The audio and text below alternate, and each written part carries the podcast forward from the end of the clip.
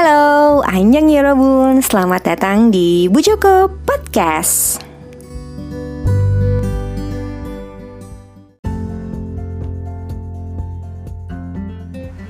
Yorobun, gimana kabarnya? Sehat-sehat semua? Semoga sehat ya, karena lagi musim nggak enak nih cuacanya dan gue juga baru sembuh dari GERD tentu saja.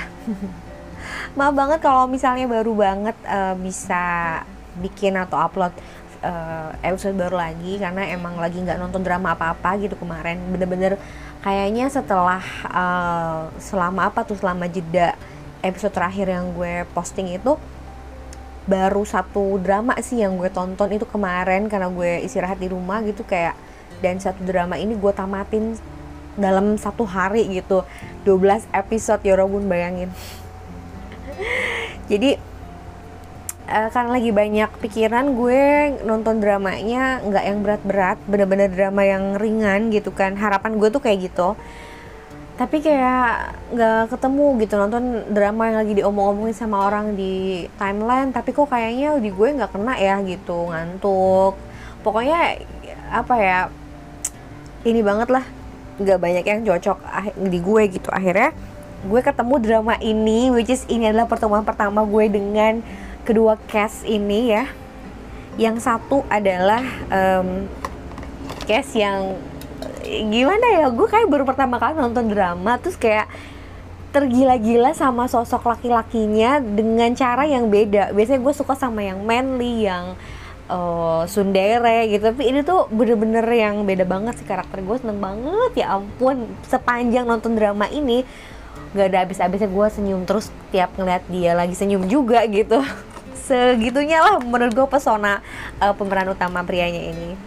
Oke langsung aja drama apakah ini? Dramanya berjudul Summer Strike. Summer Strike ini um, udah tayang dari bulan Desember tahun lalu kayaknya ya. Tapi gue baru nonton jadi sebenarnya ya kalau mau ditonton pun um, bentar-bentar aduh bentar ya gue lagi balas chat suami gue dulu. Aduh. Jadi uh, gini. Drama ini tuh baru gue tonton uh, padahal dia udah kelar dari bulan Desember ya. Cuman menurut gue nggak ini sih nggak nggak ngeganggu eh nggak ngeganggu. Maksudnya nggak basi kalau kita nontonnya sekarang gitu di bulan Maret ini. Summer Strike ini cuma 12 episode dan sangat-sangat padat walaupun ringan tapi very meaningful. Makanya gue nonton ini kayak nangis beberapa scene tuh bikin gue nangis. Eh sebagus itu dramanya tolong deh pokoknya. Kita langsung aja kita kenalan sama uh, ya dulu ya sebelum kita ngomongin tentang apa sih drama ini gitu. Oke okay, drama ini diperankan oleh Sol Hyun yang berperan sebagai Lee Yoreum dan ada Im Siwan oh my god gue tersiwan-siwan. Lagi tersiwan-siwan banget sama si Im Siwan ini karena visualnya yang cakep dan nggak tahu ya karakternya mungkin di sini lovable banget jadi gue sangat suka sama Im Siwan yang di Summer Strike ini dia berperan sebagai Ande Boom sosok uh, apa ya scientist atau uh, akademisi lah ya yang sangat-sangat pintar cerdas pokoknya gitulah geek yang nggak kelihatan geek tapi super cerdas gitu. Lalu ada Park Ye Young yang berperan sebagai Cho Cho Ji Young.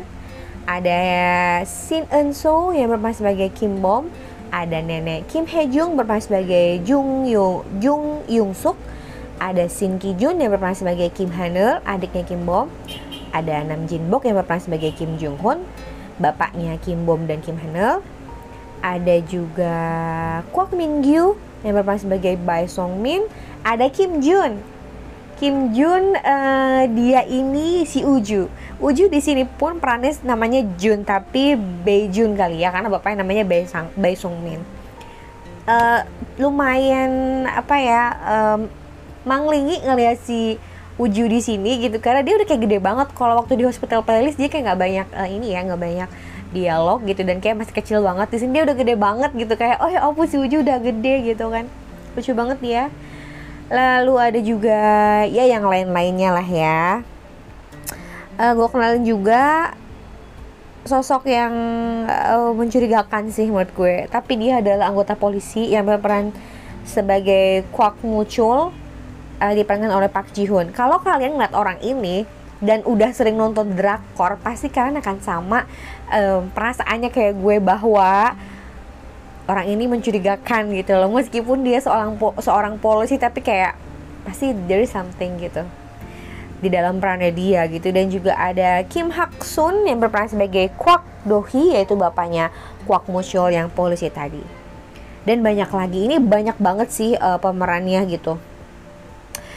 Jadi gini uh, drama ini tuh tentang apa sih? Kalau menurut gue drama ini tuh drama tentang um, seseorang yang tinggal di kota besar di kota metro kota metropolitan yang ngerasa kayak hidupnya tuh uh, melelahkan banget gitu di kota besar bener-bener yang bangun uh, pagi banget terus langsung siap-siap naik uh, uh, transportasi umum ke kantor, kantor dengan uh, dinamikanya, dengan persaingannya, dengan saling sikutnya yang bahkan tuh dia harus uh, apa ya? Um, dia harus ngejalanin semua yang orang-orang yang semua orang jalanin di kota gitu di kota besarnya sebenarnya sama aja kayak di Jakarta. Nah ini tuh dirasain oleh Liorem. Liorem itu kayak setelah dia lulus kuliah dia akhirnya kerja di Seoul dan Seoul itu menurut dia kayak kota yang capek banget gitu kayak pagi dia harus berangkat naik kereta terus ke kantor di kantor dimarah-marahin di kantor persaingannya nggak sehat itu kan something yang emang sebenarnya nggak cuman uh, Liorem di Seoul yang ngalamin gue yakin bahwa di Indonesia pun di Jakarta itu sesuatu yang sangat nggak nggak nggak aneh gitu loh. Dan akhirnya uh, membuat dia kayak ada satu titik di mana kan akan gue nggak mau ceritain semua lah kenapa ya ada satu titik yang membuat dia akhirnya oke okay, gue harus ninggalin Seoul gue mau pergi ke desa aja gitu. Nggak tahu deh di mana gitu. Akhirnya uh, dia resign dari kerjaannya kayak dia udah mulai uh, percintaan dia gagal ya kan di kota terus kayak udah jenuh banget hidup di kota. Akhirnya dia pindah ke sebuah desa dengan tidak sengaja di Anggok. Anggok itu uh, sebuah desa yang lumayan dari Seoul tuh dia harus naik bis dulu gitu. Akhirnya dia pindah terus kayak dia pengangguran gitu dengan punya tabungan uh, yang gak seberapa ditambah uang asuransi dari uh, orang tuanya gitulah pokoknya. Nanti dia pergi ke sebuah uh, desa namanya Anggok. Di sana tuh bener-bener kayak desa yang nggak begitu terbelakang bahkan desa biasa lah ya gitu.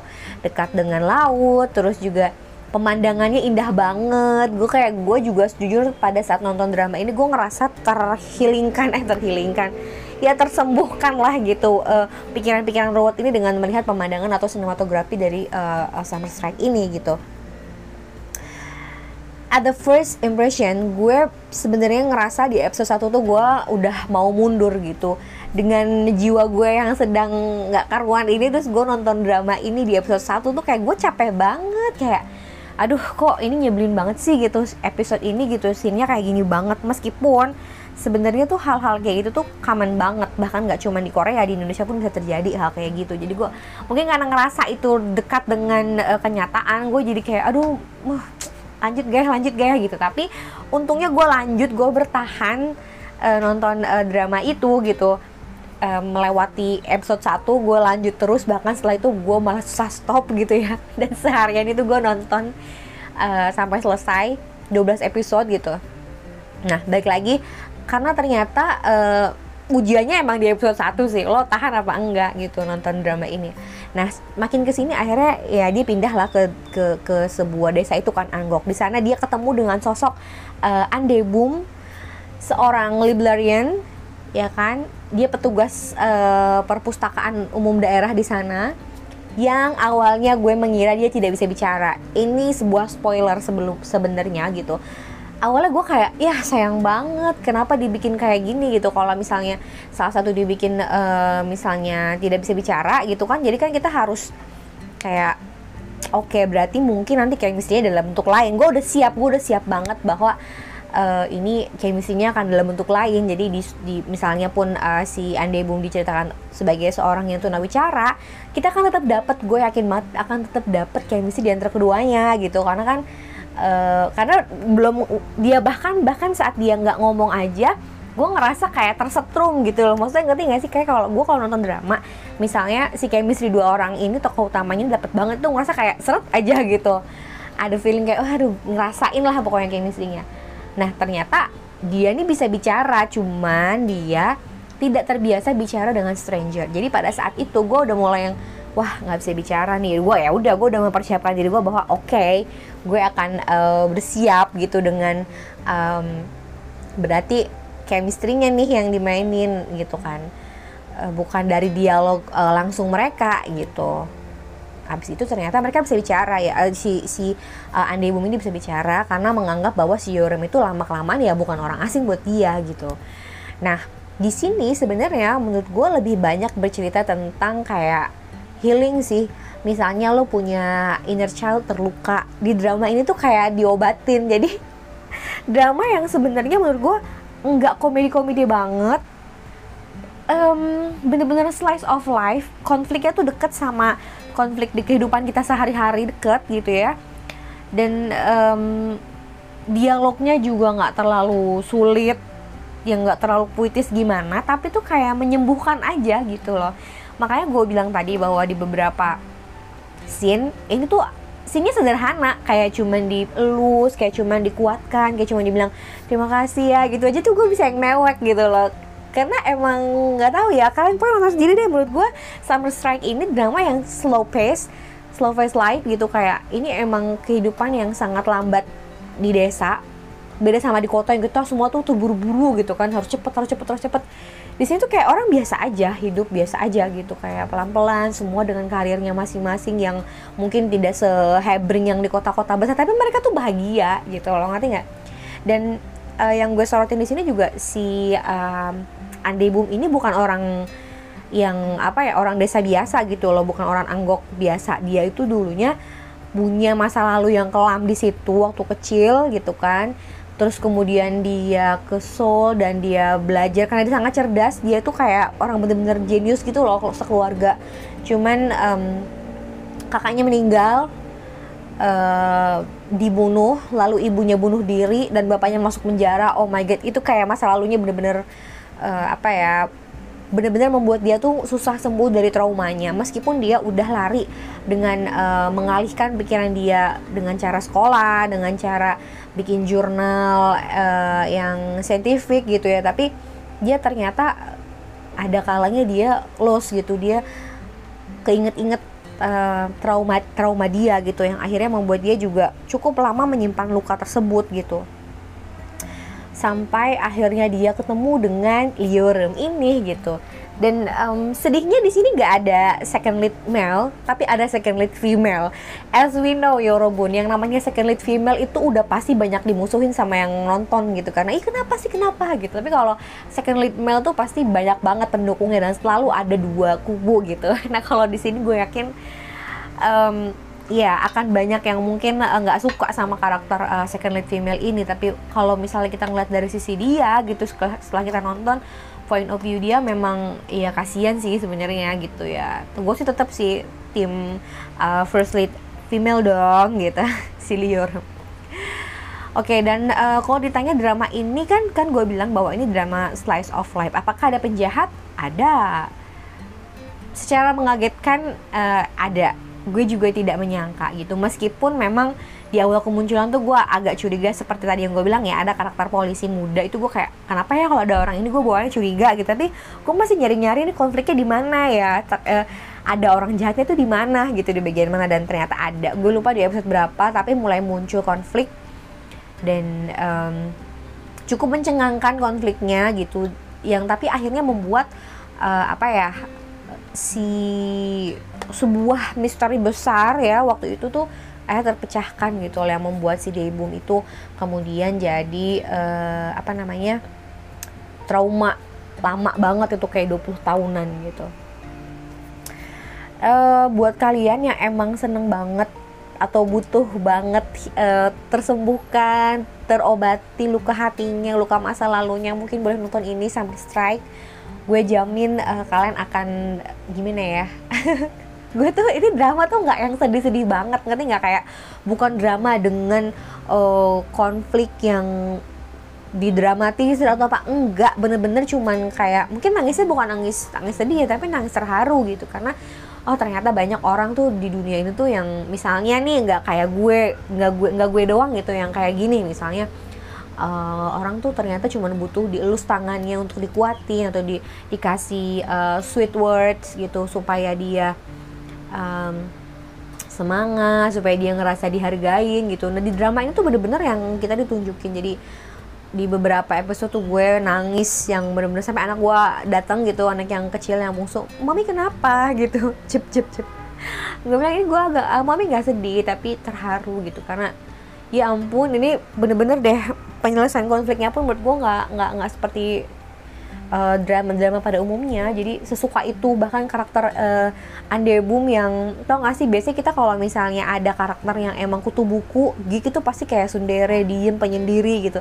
Ini tuh bener-bener yang dengan rambut yang menurut gue juga lucu gitu rambutnya kriwel-kriwel which is jarang banget menurut gue uh, aktor Korea tuh yang cocok dengan rambut itu. Tapi Im Siwan bener-bener mempesona dengan rambutnya kayak gitu.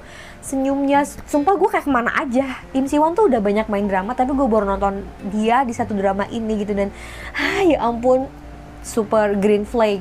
Green flag or stabilo flag boy sih. Par parah banget ini sih uh, Andebum atau Insiwan ini. Jadi buat kalian yang emang lagi mau yang ringan-ringan aja tapi juga menyembuhkan. Silahkan ditonton uh, Summer Strike dia cuma 12 episode udah tamat pun ya kan? Gue nggak mau spill terlalu banyak karena gue pengen kalian mungkin ada yang lagi terluka kan nonton ini dan tersembuhkan lah ya dengan uh, nonton uh, drama ini gitu. Gue pengen kayak gitu sih. Jadi silahkan ditonton Summer Strike cuma 12 episode. Semoga semua yang sedang sakit jiwanya sakit jiwanya sakit hatinya gitu sakit perasaannya disembuhkan lewat tontonan ini ya Yorobun segitu aja Yorobun episode kali ini. Dasi menayo anyong